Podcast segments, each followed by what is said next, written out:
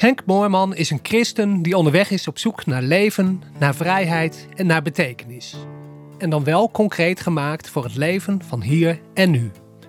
In deze podcast beluister je preken van hem, waarin hij graag met je deelt wat Bijbelteksten hem hierbij te zeggen hebben, wat hij in zijn eigen leven heeft ontdekt en wat hij van anderen heeft opgestoken. Laat je inspireren bij je eigen zoektocht en ervaar de vrede van God. Wil je contact opnemen? Mail naar hcmoorman.outlook.com.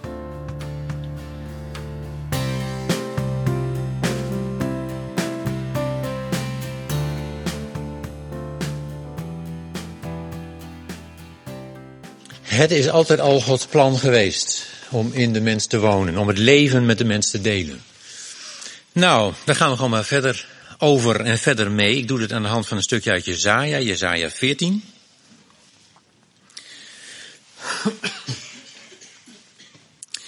Uh, vanaf vers 3, als het goed is, zie, je hem daar. Dat zal de MBG-vertaling zijn. Ik lees hem uit de Naardense, dan kun je het gelijk vergelijken. Zo zal het worden.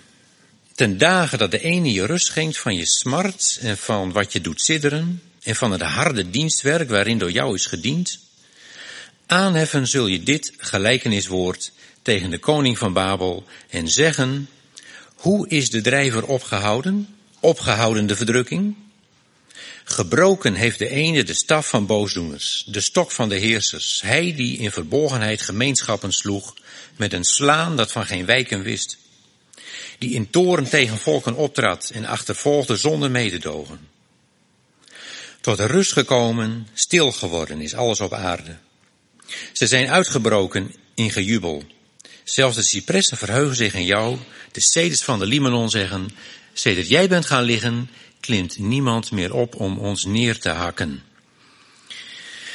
Eh, en als dan deze grootvorst, deze koning van Babel, de boze, zelf is geveld en neerdaalt in het dodenrijk, dan zeggen ze daar, vers 12 is dat, hoe ben jij uit de hemel gevallen, morgenster, zoon van de dageraad? Neergehouden ter aarde ben jij, bedwinger der volkeren. Jij die met heel je hart gezegd hebt, naar de hemel wil ik opklimmen, nog boven de sterren van God verhef ik mijn troon. Zitten, wil ik op de berg van de samenkomst, in de diepste dalen van het noorden. Ik wil opklimmen op de wolkenhoogten, mij gelijk maken aan de Allerhoogste. Echter ter helle moest je neerdalen in de diepste dalen van de put. Nou, hier stop ik maar. Uh, ik heb erboven gezet afhankelijkheid en zelfstandigheid. Afhankelijkheid en zelfstandigheid.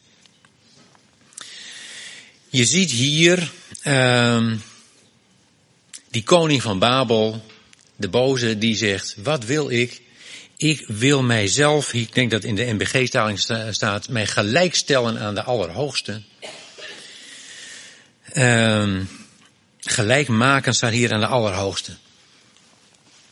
Ja, dat is zijn ambitie geweest altijd. En hij heeft gedacht, hoe doe ik dat? Uh, ik moet dus zien dat ik bij de mens binnenkom. Want boven de mens staat niemand dan God. Dus als ik nou mij verhef boven de mens, dan kom ik dus gelijk te staan aan God. Dan kan ik mij meten met God. En hoe kom ik nou boven de mensen staan? Boven de wolkenhoogten staat hier. Hè? De Bijbel kent de wolken als beeld van uh, de mens. De mens. Uh, hoe kan ik mij daarboven verheffen? Nou, dan moet ik zien dat hij mij horig wordt, dat hij in mij luistert, dat hij doet wat ik zeg. Nou, je kent het verhaal uit Genesis. Met zijn eigen ambitie, gelijk willen zijn als aan God, is hij ook bij de mens aangekomen. Ten dagen dat je daarvan eet, van die vrucht, zul je hem gelijk zijn, zegt de, die slang. Hè? Zul je gelijk zijn aan God. En de mens heeft blijkbaar gedacht, wow, dat is wel een aantrekkelijk vooruitzicht. Dat lijkt me wat, gelijk zijn aan God. En die trapt daarin. Ja. Waarmee hij zich onder die boze stelt. Want wie je gehoorzaamt, die erken je als je Heer. Waarmee die boze natuurlijk niet gelijk geworden aan God. Het is dom denken. Maar zo denken ze in Babel. Het gaat over de koning van Babel. Hè? Het gaat over een denkwereld. Het gaat over een geestelijke wereld. Die altijd denkt in macht, in hoger zijn, in meer zijn, in de baas zijn. Ja, de mens die, die trapt daarin, helaas, verleid door, ja, door dat idee. En tegelijkertijd, door daar ja tegen te zeggen, tekent hij eigenlijk zijn eigen onafhankelijkheidsverklaring hè, ten opzichte van God. Want wie gelijk is aan God, heeft God niet meer nodig. Dan kun je dus even goed zonder God. Eigenlijk tekent de mens hier zijn onafhankelijkheidsverklaring. Ja. Het is helemaal niet zo'n gek idee misschien. Dat, dat hij daarop ingaat, de gedachte van gelijk zijn aan God. Heel veel later zegt Jezus, gij dan zult gelijk zijn, zult volmaakt zijn, gelijk uw hemelse vader. Ja, dat is toch ook, gij zult gelijk zijn aan uw hemelse vader. En daar is dus niks mis mee. Wat er mis mee is, is de manier waarop. Is het iets wat je grijpt? Wat je jezelf realiseert? Of is het iets wat je ontvangt? Zoals Jezus zegt, mij is gegeven alle macht in hemel en op aarde. Heb ik niet gegrepen? Het is iets wat mij gegeven is. Ja, dus het streven, de wens is niet verkeerd bij de mens. Maar hij had nooit op deze manier dat moeten willen realiseren. Dom. Ja, en sindsdien, sindsdien is alles uit zijn verband gerukt. Ligt alles uit, uit zijn verband. Is de schepping ontwricht. Sinds de mens zich onafhankelijk heeft verklaard van God. En het bizarre is, wie krijgt de schuld van alle ellende? God. De mens verklaart zich aangesticht door de boze onafhankelijk. Alles raakt ontwricht, raakt uit verband. Dat leidt tot een hoop ellende, ziekte, narigheid, dood en verderf. En de enige die er nou echt niks aan kan doen, God, die krijgt altijd alles, van alles de schuld. Tot de dag van vandaag hoor je mensen zeggen, nou ja, als God echt bestond, dan zou het toch niet zo'n puinhoop kunnen zijn op aarde.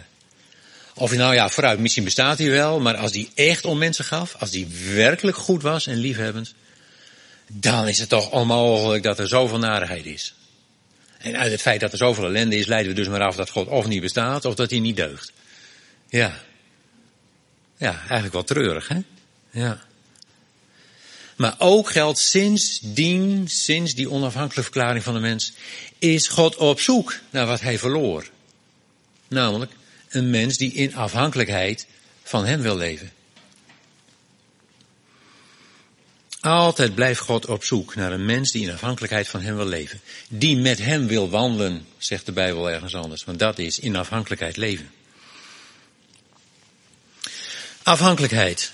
Waar heb je het dan over als je zegt afhankelijkheid? Het is een beetje een begrip, ja, daar zit ook een bepaalde lading aan van moet je dat wel willen, hè? Afhankelijk zijn. Nou, afhankelijk is in ieder geval niet onderdanig. Het is niet uh, horig zijn aan. Uh, het heeft niks te maken met een eigendomsrelatie, het eigendom zijn van. Ook al kom je dat in, onze, in de MBG-vertaling een keer of twee tegen. Wij zijn het eigendom van. Dat klopt gewoon niet. Wij behoren hem toe, zeker. Zoals mensen die voor elkaar gekozen hebben, bij elkaar horen. Zo horen we bij de Heer. Ja, absoluut. Maar als je nog denkt in wij zijn het eigendom van, ja, dan wat vroeger met slaven gebeurde, een slaaf werd gekocht van de ene heer door de andere en hij ging dus gewoon in eigendom over naar de volgende heer. Maar je bleef slaaf. Terwijl onze heer ons heeft vrijgekocht. En dat is een ander verhaal. Dat is het einde van de slavernij. Dus daar heeft afhankelijkheid niks mee te maken. Of met onderdanigheid. Dat je denkt van mij wordt verwacht dat ik alles op alles ja en amen zeg. Want God zegt het, dus ben ik uitgepraat.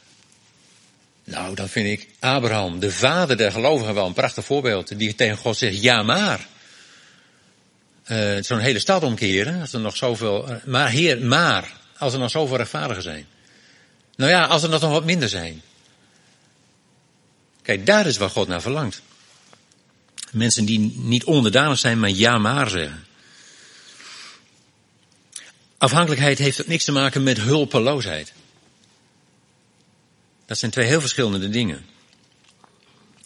Je kunt natuurlijk zo'n verhaal wat we net uit Jezaja hebben gelezen op die manier uh, lezen. Hè? Dat je zegt, god, dat is mooi. Zo zal het worden, ten dien dagen zal, hè, zal, de Heer zal je rust schenken van, van je smart, van wat je doet sidderen, van het harde dienstwerk waarin je hebt gediend. Oh, Heer, nou, prachtig. Heer, wij zijn benieuwd, wij wachten af. Stil maar, wacht maar, alles wordt nieuw, de hemel en de aarde. Door uw machtige hand, Heer, zal het alles geworden.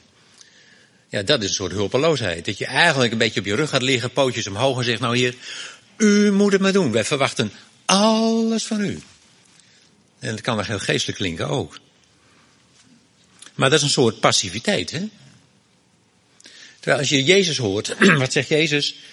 Die zegt, ik kan niets doen of ik moet het de Vader hebben zien doen. Nou, afhankelijker kan het niet, zou ik haast zeggen. Maar actiever ook niet. Het gaat allemaal over doen. Ik kan er niets doen zelf of ik moet het de Vader hebben zien doen. Nou, dan is natuurlijk de vraag, wat kan ik zelf doen, hè? Om dat een beetje tegen elkaar af te bakenen.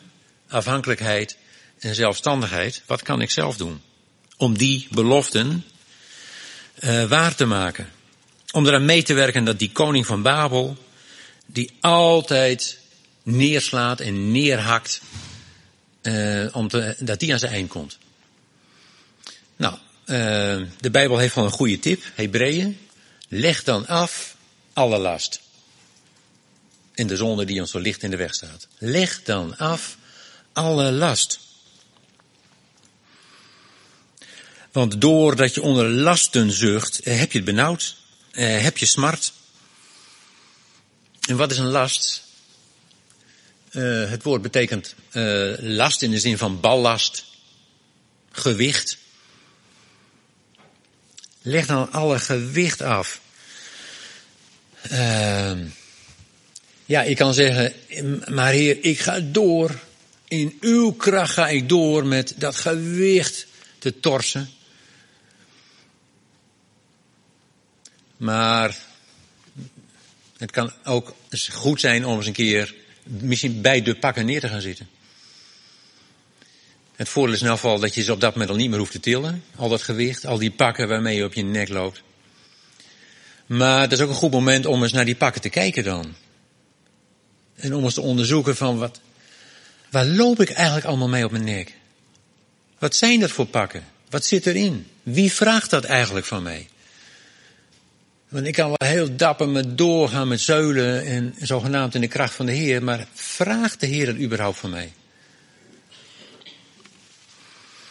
Wat zijn dat voor pakken? Nou, misschien, ik noem maar wat. Uh, foute verantwoordelijkheden. Een mens heeft verantwoordelijkheden, zeker. Maar je kunt ook met verantwoordelijkheden op je nek lopen die de jouwe helemaal niet zijn. Dat je denkt, ik moet zorgen dat het die ander goed gaat. We waren uh, vorige week bij een, bij een bruiloft en de mensen gingen trouwen, vrienden van ons, die deden dat heel mooi, vond ik. Die spraken naar elkaar echt beloften uit, uh, die zij zelf hadden uh, verwoord. En op een gegeven moment zei hij tegen haar, ik zal ervoor zorgen dat jij gelukkig wordt. En toen zeiden wij later tegen elkaar, oeh, daar zeg je wel wat. Want, kun je dat waarmaken? Kun je dat waarmaken? Nee, dat kun je niet waarmaken. Je kunt zeggen, ik zal met alles wat in mij is eraan proberen bij te dragen dat jij gelukkig wordt. Ja, prima. Maar ik zal zorgen dat jij gelukkig wordt. Ja, ach, het is vast goed bedoeld, maar het is niet mijn verantwoordelijkheid dat iemand anders gelukkig wordt. Of mijn verantwoordelijkheid dat iemand anders het een beetje plezierig heeft. Of niet ontstemd raakt. Of, kijk, dat zijn verkeerde verantwoordelijkheden. En als ik daarmee op mijn nek loop, dan is dat een gewicht. Dat zijn hele lastig om te onderscheiden, dat klopt. Waarom? Omdat ze meestal in je leven al zijn binnengeslopen, nou ja, vanaf het begin van je bestaan zo ongeveer. Het is vaak een tweede natuur geworden. En daarom is het heel moeilijk om dat te onderscheiden van, ja, hoort het nou echt bij mij? Of eigenlijk niet. Nee, dat klopt. Nou, daarom is het goed om ermee bezig te zijn, om erover na te denken, om er samen over te praten. En misschien bij elkaar eens een spiegel voor te houden van, joh, jij loopt altijd daarin te trekken, maar is dat echt de bedoeling? Wordt dat wel van je gevraagd? Foute verantwoordelijkheden, de lasten van een ander. Draagt elkanders lasten. Ja, het is een naam van een begrafenisvereniging. Maar het is geen Bijbels principe hoor. Nee. Nee. Nee, dat weet ik niet. Uh, een twee metrieke ton. Nou, het klinkt heel veel. Ik heb geen idee, maar Leen, uh, uh, zegt een last is twee metrieke ton. Nou, in elk geval, een last is altijd veel zwaarder dan goed voor je is. Zou ik zeggen. Uh, Zo'n zo pak waar je met je nek loopt, dat kan ook gewoon gepiek en getopper, uh, gepieker en getop zijn. Hè? Over, ja, maakt niet uit waarover. Over hoe het met jezelf moet gaan en of het met je kinderen wel goed komt en of uh, over je gezondheid misschien, of over, over je verkering, of over. ach, er zijn zoveel dingen waar je overin kan zitten. En de Bijbel zegt, je kunt geen L aan je lengte toevoegen door al je getop en door al je gepieken. Leg die last, leg dat pak maar af. In plaats van die rugzak weer om te gespen en weer in de kracht van de Heer moeder door te gaan. Weet je wat het ook kan betekenen, dat woord? Gewicht. Het, in de grondtekst staat een woord dat betekent doen zwellen. Nou, vandaar dus het woord groot, hè, zwaar. Maar ook gewichtigheid opgeblazenheid, eigendunk, betekent het ook. En dat kan ook, hè? Dat, dat een van die pakken waarmee je op je nek loopt, dat is het pak van, ik moet mij toch groter voordoen dan ik ben. Of zekerder. Of leuker. Of aardiger. Of geestelijker. Of, maar in elk geval meer dan ik ben. Nou, dat kan een last zijn hoor. Ja. Dan moet je nou continu energie in pompen. Ja, je kent wel die hele grote opblaaspoppen. Hè? Als iemand 15 jaar getrouwd is, zie je zo'n ding daar staan. Moet altijd zijn motortje bij, moet voortdurend lucht in, lucht in geblazen worden. Ja, want anders dan zakt het in elkaar. Nou, dan ben je nergens meer. Je moet er continu energie in blijven stoppen. Dus het vreet energie. Het is een last. Ja. Weet je wat ook een last is? Uh, bevelen, instructies. Denk maar aan gelasten. Dat is bevelen. Kamerleden stemmen zonder last of ruggespraak. Last, dat zijn instructies die iemand anders tegen je zegt, weet je wat jij moet doen? Zo en zo en dat en dat. Zal ik je wel even vertellen. Dat is een last ook. Nou, de Bijbel zegt, leg maar af. Leg, leg maar af, al dat soort instructies. Uh, en ook dat zijn van die dingen die zo met jezelf verweven kunnen zijn. Waar gaat het om? Bijvoorbeeld de instructies, zo noem ik ze maar, de codes waar je misschien al het leven mee bent ingestuurd van uh, val niet op. Of schiet op, tempo, doorgaan. Uh, of wees aardig. Of, nou, vul je eigen instructies maar in, als ze er zijn. Die vaak ook zo vanzelf, vanzelfsprekendheden zijn geworden. Al die gij zult. Gij zult dit, gij zult dat. Maar die zo vanzelfsprekend zijn geworden dat ze heel moeilijk meer te onderscheiden zijn van, van wie je oorspronkelijk en zelf bent. Nou, demonteer die pakketten maar dat je weet wat erin zit en dat je kan zeggen, wil ik daar eigenlijk wel mee op mijn nek blijven lopen?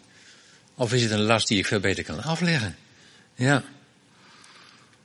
Koster zegt in zijn vertaling, gestopt is het commanderen. Vond ik wel mooi. Gestopt is het commanderen. Dat iemand anders commandeert wat je moet of niet moet. En moet nalaten. Ja. Leg dan af alle last en de zonde die ons zo licht in de weg staat. Staat er meteen achteraan. Ik vind het heel lief voor God dat die begint met die lasten. Hè? Ja. Dus hij zegt, nou, die zonde is vers 2, daar komen we nog wel over te praten, joh. Eerst die lasten maar eens weg, man. Ja. Dat geeft al lucht. Leg af de zonde. Hebben we die dan? Want uh, wij zijn toch eh, geheiligd, we zijn rein. Uh, wij hebben toch, wij hebben ons bekeerd en Jezus is eh, gestorven voor al mijn zonden, alles is toen vergeven. Ehm, klaar. Dan kom je een beetje in conflict met Johannes. Die zegt, het bloed van onze Heer Jezus Christus, geliefden, reinigt ons van alle zonden. Als we zeggen dat wij geen zonde hebben, of dat we geen zonde doen, dan is de waarheid in ons niet en misleiden wij onszelf. Kinderkunst. Schrijft hij niet aan, heidenen, aan heidenen hoor. Schrijft er aan de volle evangelie gemeente in, ik weet niet waar, maakt niet uit. Kampen, voor mijn part. Ja. Ja. Is je status dan nog zondaar? zondaar? Nee, wel nee, gelukkig niet. Maar ja, hij is wel glashelder. Als ik zeg dat ik geen zonde meer heb, dan misleid ik mezelf en de waarheid is in mij niet. en natuurlijk gaat het niet om moord en doodslag en weet ik wat voor grove zonden. Maar elke keer dat ik uh, laatdunkend uh, over iemand praat, is dat zonde. Elke keer dat ik over iemand roddel, is dat zonde. Elke keer dat ik mijn zin probeer door te drijven en om die reden over iemand heen wals, is dat zonde. Over dat soort dingen gaat het. Ja. Ja, maar als het nou helemaal onbewust gebeurt, ik bedoel er helemaal niks kwaads mee. Nee, dat kan. Maar je ziet in het Oude Testament al dat daar ook offers werden gebracht voor de onbewuste zonden. Ja.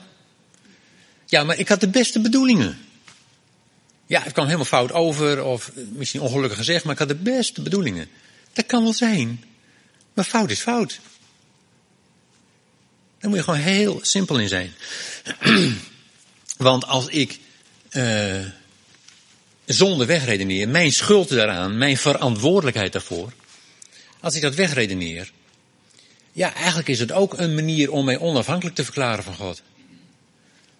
Dat ik zeg, nou, u heeft van een oplossing bedacht voor een probleem, maar voor mij niet nodig, heer. Bedankt, maar heb ik niet nodig. Nee. Het is helemaal geen punt natuurlijk. Want God heeft een oplossing bedacht, gelukkig. Gelukkig wel. En onder hij een oplossing heeft bedacht, vergeving van schuld namelijk, is hij wel de laatste die er moeilijk over zal doen. Die er een punt van zal maken. Totaal niet. Maar ik moet niet mijn schuld wegredeneren. Dat leidt namelijk nooit tot onschuld. Het leidt alleen maar tot het verdringen van schuld. En daar wordt de mens niet beter van. Als je het wel doet, dan maak je eigenlijk uiteindelijk Jezus irrelevant. Ja, dan, dan verdampt de betekenis van Jezus. Moet je niet doen. Jezus zegt ergens, wie veel vergeven is, die betoont veel liefde. Verhaal van die zondares, hè, die zijn voeten zelf. Wie veel vergeven is, die betoont veel liefde. Ja.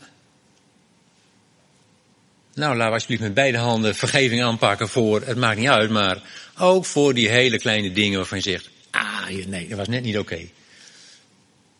En maak ook je excuus als het tegenover iemand is geweest dat je fout bent geweest. Het is eigenlijk heel simpel. Je moet het alleen doen. Nou, dat gaat over zelfstandigheid. En dit gaat ook over zelfstandigheid in de zin van staan voor wat je zelf doet. Als ik iets doe wat niet oké is, dan moet ik daarvoor staan. Dan moet ik geen excuses uh, verzinnen, geen uitvluchten, geen smoesjes, geen... Moet ik gewoon zeggen, ja, je hebt gelijk. Ja, was niet oké. Nee, was fout. Vergeef mij. Ja. Nou, en dan kun je opgeruimd en opgelucht verder gaan. En dat slaat ook altijd een brug naar mensen. In plaats van dat het mensen uiteendrijft, slaat het een brug. Ja. Leven uit genade van de vergeving. Dan heb je ook iets om dankbaar voor te zijn namelijk. Ja. En wie zegt, ach, vergeving is passé voor mij, die heeft ook niet veel meer om dankbaar voor te zijn. En voor je het weet, ga je zitten mopperen. Leg dan af al die zonden. En de Heer zou je daar graag bij helpen om daarin te veranderen in die dingen. Nogmaals, het is helemaal geen punt voor de Heer. Hij heeft al lang een oplossing. Hij is ook de laatste die je daar zwaar over zal vallen. Totaal niet. Maar wees er wel helder in. Wat kan ik nog meer zelfstandig doen? Nou, het gaat hier over Uh, in elk geval in de Naarse vertaling, dat hij je rust zal schenken van je smart en van wat je doet sidderen. Waar je bang voor bent. Wat je angst aanjaagt. Wie gaat dat oplossen? Wie gaat dat verslaan? Nou, de Bijbel geeft voorbeelden over. Uh, neem maar even Goliath. Wie versloeg Goliath? God? Nee, David versloeg Goliath. Ja. David had met dat hele legerkorps uh, van Israël te kunnen gaan zeggen van nou ja, wij zijn, uh, hij is veel te groot voor ons. Heer, u moet hem maar verslaan. Was er niks gebeurd. David versloeg Goliath. Natuurlijk, omdat hij wist, God is met mij. Maar zoals dat voor hem geldt, geldt dat denk ik voor ieder mens. Ieder mens moet zijn reus verslaan. Ieder mens moet zijn draak verslaan. Welk beeld je ook maar wil gebruiken. Waarom? Omdat daarachter, daarachter ligt de schat. Voorbij die draak is de jonkvrouw. Achter die reus is het leven. Ja. En het zijn, je kunt zeggen, ja, het zijn mythologische, ze bestaan helemaal niet. Reuzen, draken, onzin. Ja, maar ze bestaan wel. Het zijn die dingen waar ik, die mij angst aanjagen. Die maken dat ik in mijn hoekje kruip. Dat ik klein word. Dat zijn de draken in je leven. Dat zijn de reuzen in je bestaan. Ja. En dan is het zaak om net als een David hem tegemoet te treden. Aan te kijken. Uh, antwoord te geven.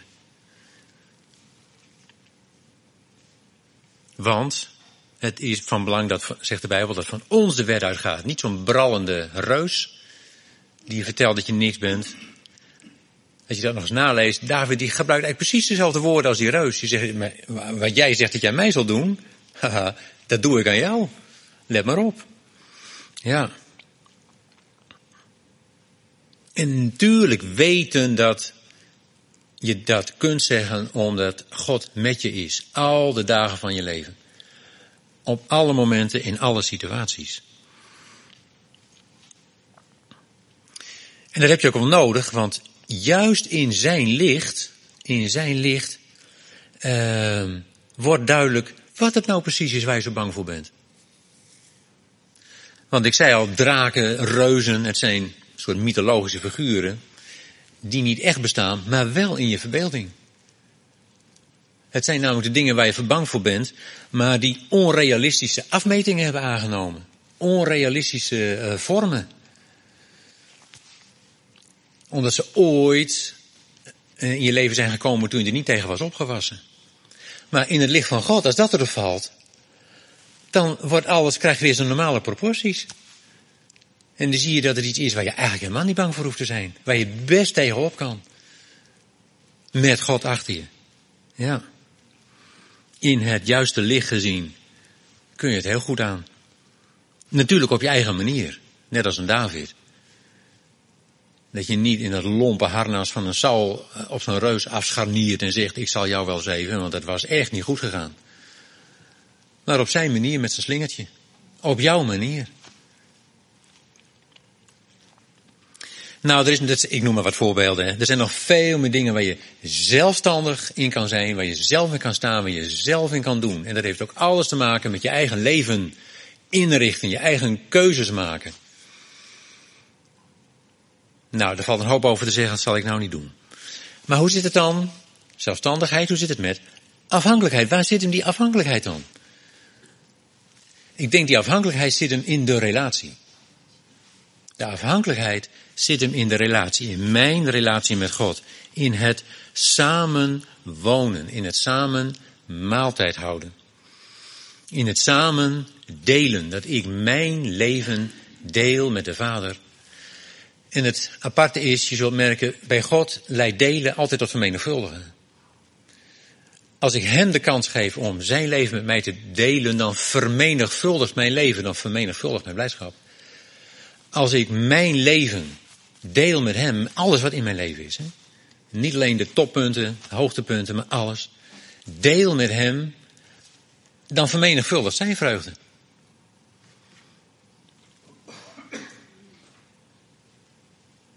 Het heeft alles te maken met in gesprek zijn. De dialoog tussen mij en de Vader. In gesprek zijn. En dan bedoel ik niet in de eerste plaats dat ik voortdurend tegen God praat. En aan hem allemaal opsom wat ik nodig heb, maar ook vooral hoor, hè, luister. Luister naar wat hij te zeggen heeft. Uh, en je hoort mensen regelmatig zeggen, en toen zei de Heer tegen mij, uh, ja, ja, gelukkig wel. Uh, alleen dat horen bij mij, ik hoor nooit een stem. Ik hoor nooit een stem. Echt niet. Maar wat ik wel merk is dat als ik ergens over bezig ben of ergens verder in wil komen, dat ik opeens een, gedachte in mij boven komt. Of dat een bepaald inzicht doorbreekt. Of een bepaald besef boven de horizon van mijn bewustzijn komt. En dan zeg ik, dank u wel vader. U zei tegen mij. Ja, ik zeg het nog maar want sommige mensen zeggen, ik, ik hoor nooit de stem. Ik vind het niet eerlijk, God zegt nooit het tegen mij. En wel tegen anderen. Nee, maar zo werkt het dus, hè. Op, op je, en jij weer op een andere manier waarschijnlijk. Dat de Heer je dingen duidelijk maakt. Dat is horen. Afhankelijkheid zit hem in de relatie. De relatie van kinderlijk vertrouwen. Echt kinderlijk vertrouwen. Het vertrouwen waar Jezus blijk van gaf toen hij daar in die vliegende storm in dat scheepje gewoon lag te slapen. Gewoon vanuit het besef van mijn hele bestaan is geborgen in God. Mijn hele bestaan is veilig en geborgen in mijn Vader. Veiliger kan het niet. En dat je in dat besef ook in al die pakken met zorgen en getop en verantwoordelijkheden van kunt afleggen. Vader, uiteindelijk mijn hele bestaan wordt door u gedragen. Ja, en ik wandel met u, dat samen wandelen en weten dat hij zijn tempo aanpast aan jou. Want de sterkere past zich altijd aan aan de zwakkere. Dat je niet hoeft te rennen of op een holletje achter hem aan moet om hem bij te houden. Dat je weet, hij maakt mijn paden recht. Ook al zitten er heel wat kronkels in mijn levensweg, dat kan best zijn. Dat hij zegt, maar ik blijf met je meegaan. Je gaat een weg in waarvan ik denk dat hij doodloopt. Ik ga met je mee. En ook weer mee terug. En weer verder. En misschien nog eens een omweg. Maar ik blijf bij je. Ik wandel samen met jou en jij wandelt samen met mij. Die afhankelijkheid. Weten ook dat je al wandelend met hem goed uitkomt. Gewoon in je leven. Dat je goed uitkomt. En waar kom je als je goed uitkomt? Ik zou zeggen thuis. Bij het volle leven, het werkelijke leven. Ja. Weten dat hij alle dingen laat meewerken ten goede. Ook weten dat al die kleine dingen die jij doet, eraan meewerken dat wat gaat gebeuren wat God belooft. Dat een vriendelijke lach van jou naar een ander, daar een kleine bijdrage aan levert. Een arm een schouder, dat dat meetelt. Dat soort hele gewone, hele kleine dingen. Ja. In handelingen staat, in Hem leven wij, in Hem bewegen wij, in Hem zijn wij. Nou ja, ik zou zeggen, afhankelijker kan het niet, hè? Dan hoef je dus ook nooit meer te zoeken van, Heer, hoe kom ik bij u? Als dat realiteit is geworden, als het alleen theorie is wel, hè? Maar als dat realiteit is geworden, dan hoef je nooit meer te, van waar is God nu? Hoe kom ik bij hem? Hoe bereik ik hem? Hoe, nee, in hem leef je, in hem beweeg je, in hem ben je. En hoe kom je daar in hem? Nou, door je toe te vertrouwen. Door je werkelijk toe te vertrouwen. Kan misschien nog beter zeggen, door je over te geven aan iets, nee, aan iemand groter dan jezelf. En dat maakt ook, dat geeft ook dat de zin en de betekenis van je bestaan naar een hoger plan wordt getild, een hogere dimensie krijgt. Als ik dat doe.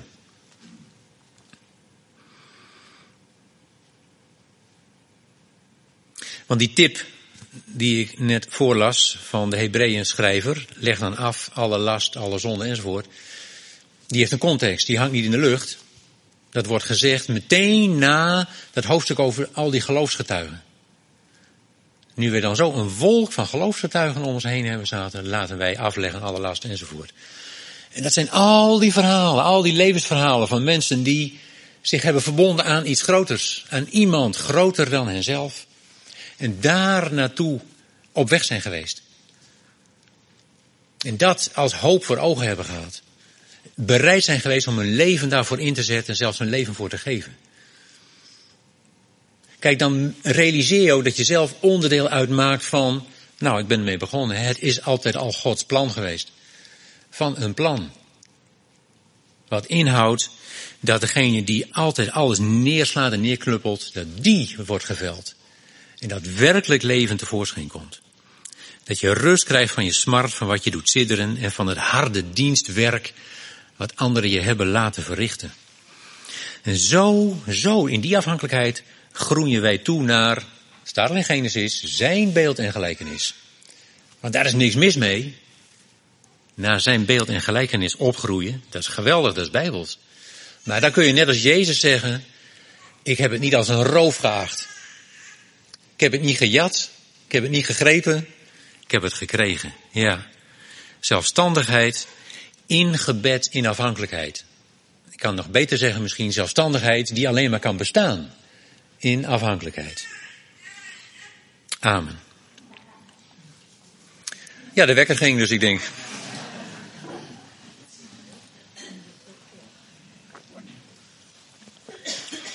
Ja, uit de mond van zuigelingen, hè?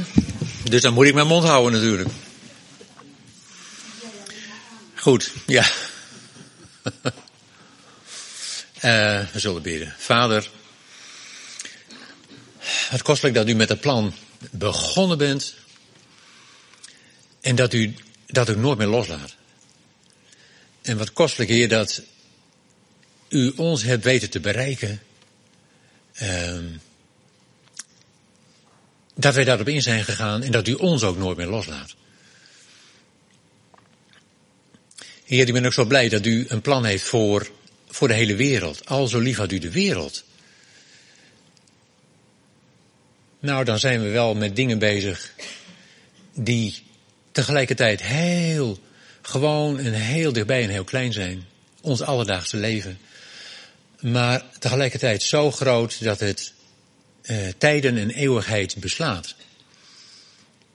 Dank u Heer dat we in afhankelijkheid van u, want u Heer bent degene die het bedacht heeft en zal volvoeren, dat we in afhankelijkheid van u daarom mogen meewerken. Elk op onze plek, elk op onze eigen manier, elk met onze eigen zelfstandigheid, die we aan u ontlenen. Heer, daar zegenen we elkaar ook mee, dat we dat uh, gewoon in blijdschap kunnen doen, wetend Heer dat u ons nooit alleen laat, maar bij ons bent al de dagen van ons leven. Amen. Wil je contact opnemen? Mail naar hcmoorman.outlook.com